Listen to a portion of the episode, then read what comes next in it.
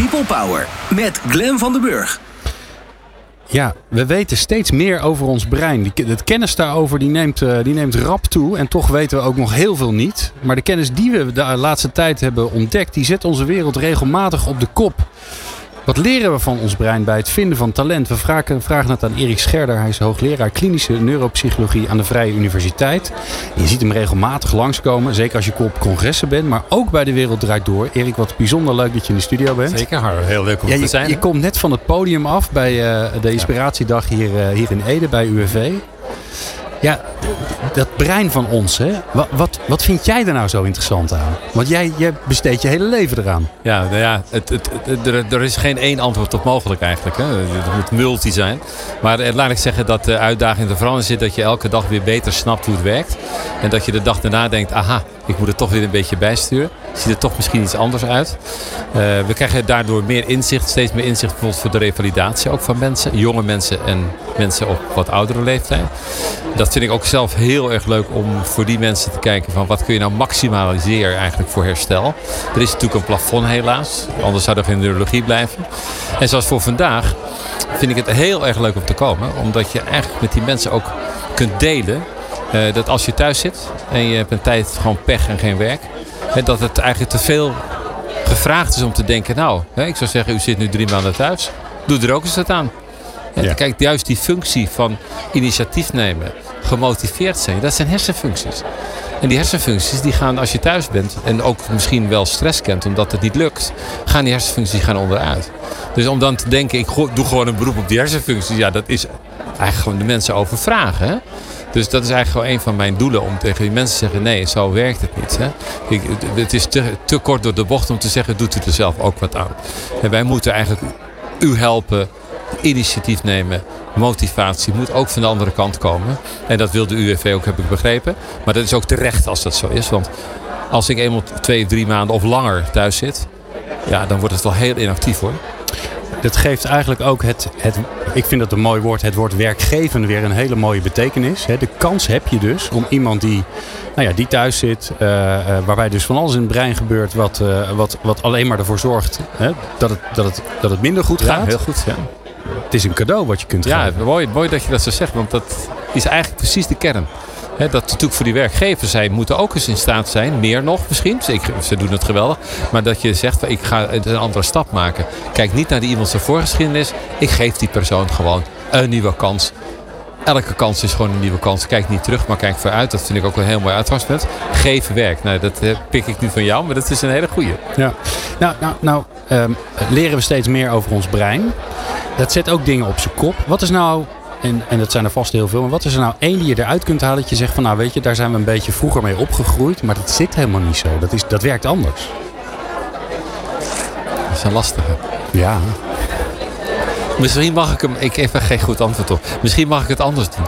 Misschien mag ik tegen je zeggen, hoe kan het eigenlijk dat dingen die nu zo voor de hand liggen, toch uiteindelijk niet maatschappelijk gezien worden overgenomen? Dat verbaast me eigenlijk elke dag. Zoals? Bijvoorbeeld het gymnastiekonderwijs in Nederland. Het bewegen van kinderen op school, ook door de dag heen.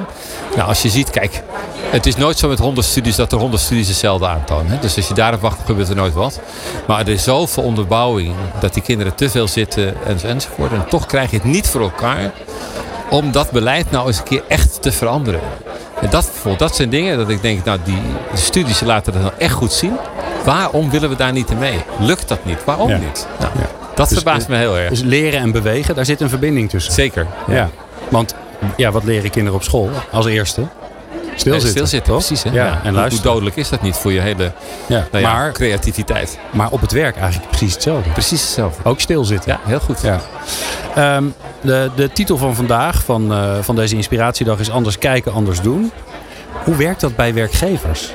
Waar, lopen die tegen de, nou ja, de, de, de, de, kwaliteiten, maar misschien ook tegen de, tegen de beperkingen van hun brein aan?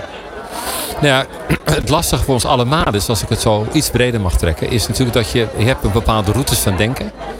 En uh, vanaf je dertig zeg maar, dan werkt het brein niet heel erg mee om voortdurend totaal andere ideeën naar voren te brengen. Dus dat moet echt wel ergens uitkomen. Dus als je dan inmiddels al heel lang op zo'n route zit, je hebt een bepaald beleid als werkgever, dan, ja, dan is hier natuurlijk de uitnodiging van ja, Wat is er voor nodig om dan andere gedachten te brengen? Maar moet ik me dan echt routes in mijn brein voorstellen? Die daar klaar liggen en die zijn gewoon, dat zijn de makkelijkste wegen. Dus die, die, ik denk, daar ga ik overheen. Ik denk dat je, ja, ik denk dat je het zo moet zien dat die neuronale netwerken die hebben bepaalde contactpunten. En die zijn zoveel gebruikt, die zijn heel sterk geworden. Ja, wat sterk is overleeft. Hè? Dus dat overleeft ook elk nieuw idee misschien. Uh, dus ja, een beetje in die richting. Maar het is niet zo dat het niet uh, kan plaatsvinden. Natuurlijk wel. Maar er is wat voor nodig. Ja, daar wordt ook veel over gezegd. Hè? Uh, over oudere werknemers op de arbeidsmarkt. Ja. Die hebben het nog steeds lastig. Ja. Lastiger dan jongere werknemers. Ja. Kun, je, kun je vertellen over hoe dat in het brein zit? Ja, ja, nou, kijk, als je kijkt naar oudere werknemers en je kijkt naar de gevoeligheid bijvoorbeeld van de verbindingen. Met name in frontale netwerken aan de voorzijde. Dat zijn de netwerken uh, die te maken hebben met hoe gemotiveerd ben ik.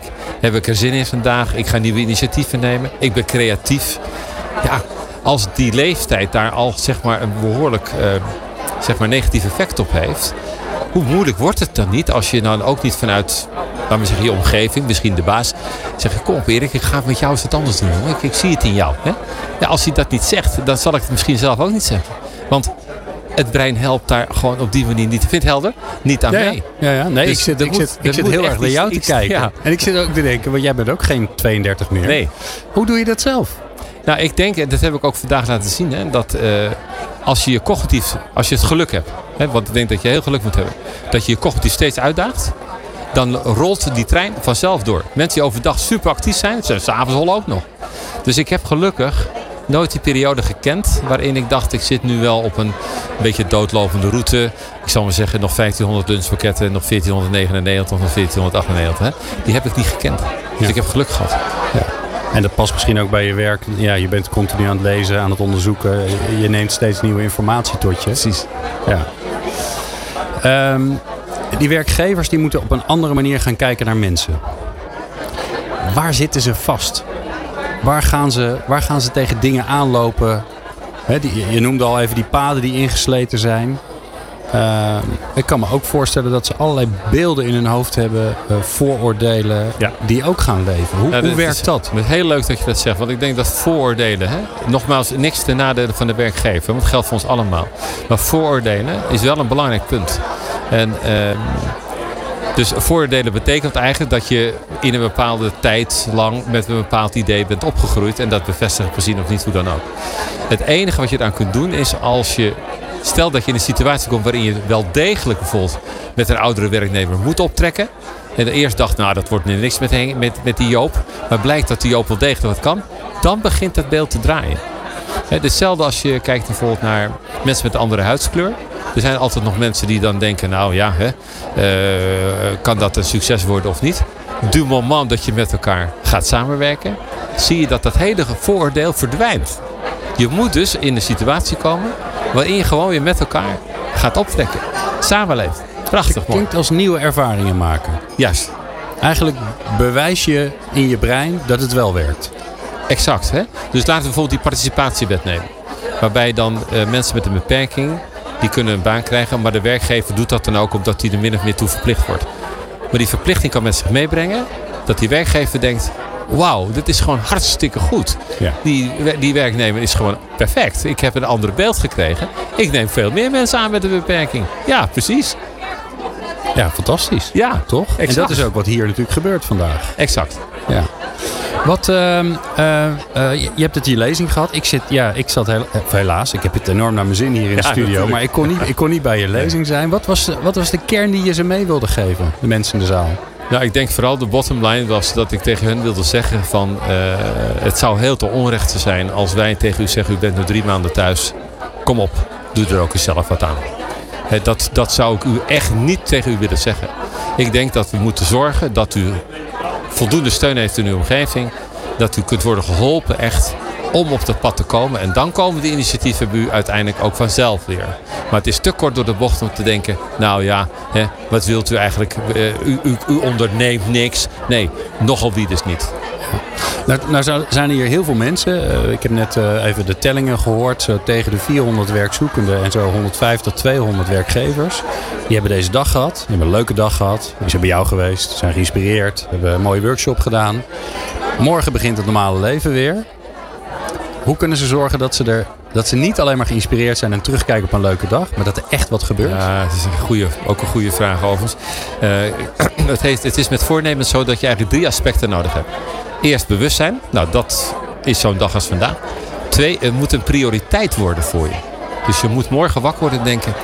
er is nu even niets belangrijkers... dan dat ik nu mensen ga aannemen die ik voorheen niet aannam. En dan moet het systeem ook nog mee willen. Dus stel dat er een superbeloning staat tegenover oudere werknemers nieuwe kansen geven. Dan is dat hè, een externe stimulus. Ja, dan, dan ga je kansen maken hoor. Of dat de mensen staan te klappen voor je. Dat, dat helpt toch ook? Ja, dat helpt Maar dat bedoel je met die externe stimulus? Nou, hè? eigenlijk meer dat de regering bijvoorbeeld zegt van als u dat nu doet of we verplichten u. Hè, dat is helpt. het systeem. Ik noem Ja. een voorbeeld. Bij ons in de VU kon je een tijd lang de eerste twee verdiepingen niet met de lift. Je moest lopen. Ja, dat was wel ideaal natuurlijk hè. Ja. ja, dat helpt als die omgeving een beetje Juist. je de wet voorschrijft. Juist.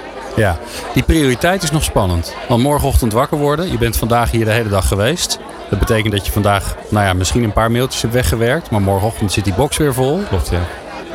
Hoe doe je dat? Want het is, ik, ik snap hem wel, maar ik moet hem ook praktisch kunnen maken. ja.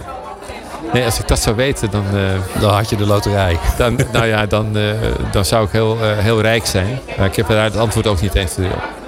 Hoe doe je dat zelf? Want het lijkt me zo'n spannend, spannende uitdaging als je je op dit thema bezighoudt.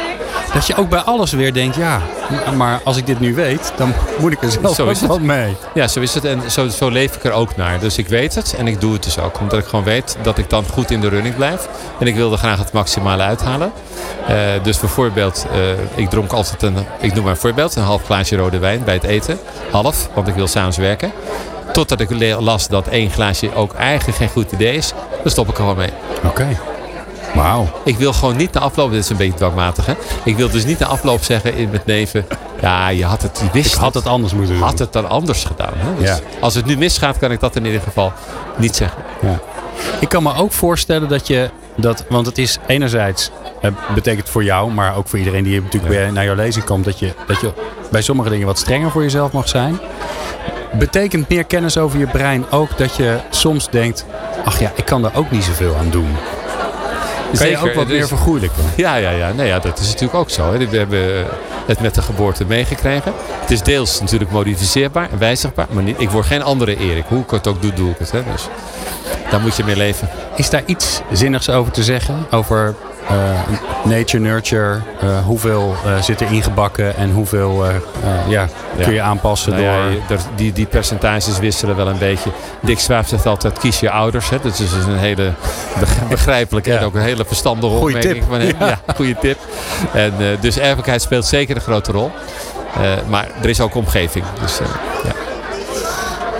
Ehm, ja, ik zou nog uren met je door kunnen praten. Ja, maar eh, we zijn bijna aan het eind, eh, eind van, eh, van het programma. Dan heb ik er vijf uur op zitten. Ehm, maar dit was wel een eh, fantastische slagroom op de taart. Dus dankjewel Nou, Erik Scherder voor jouw bedankt. bijdrage. Dank.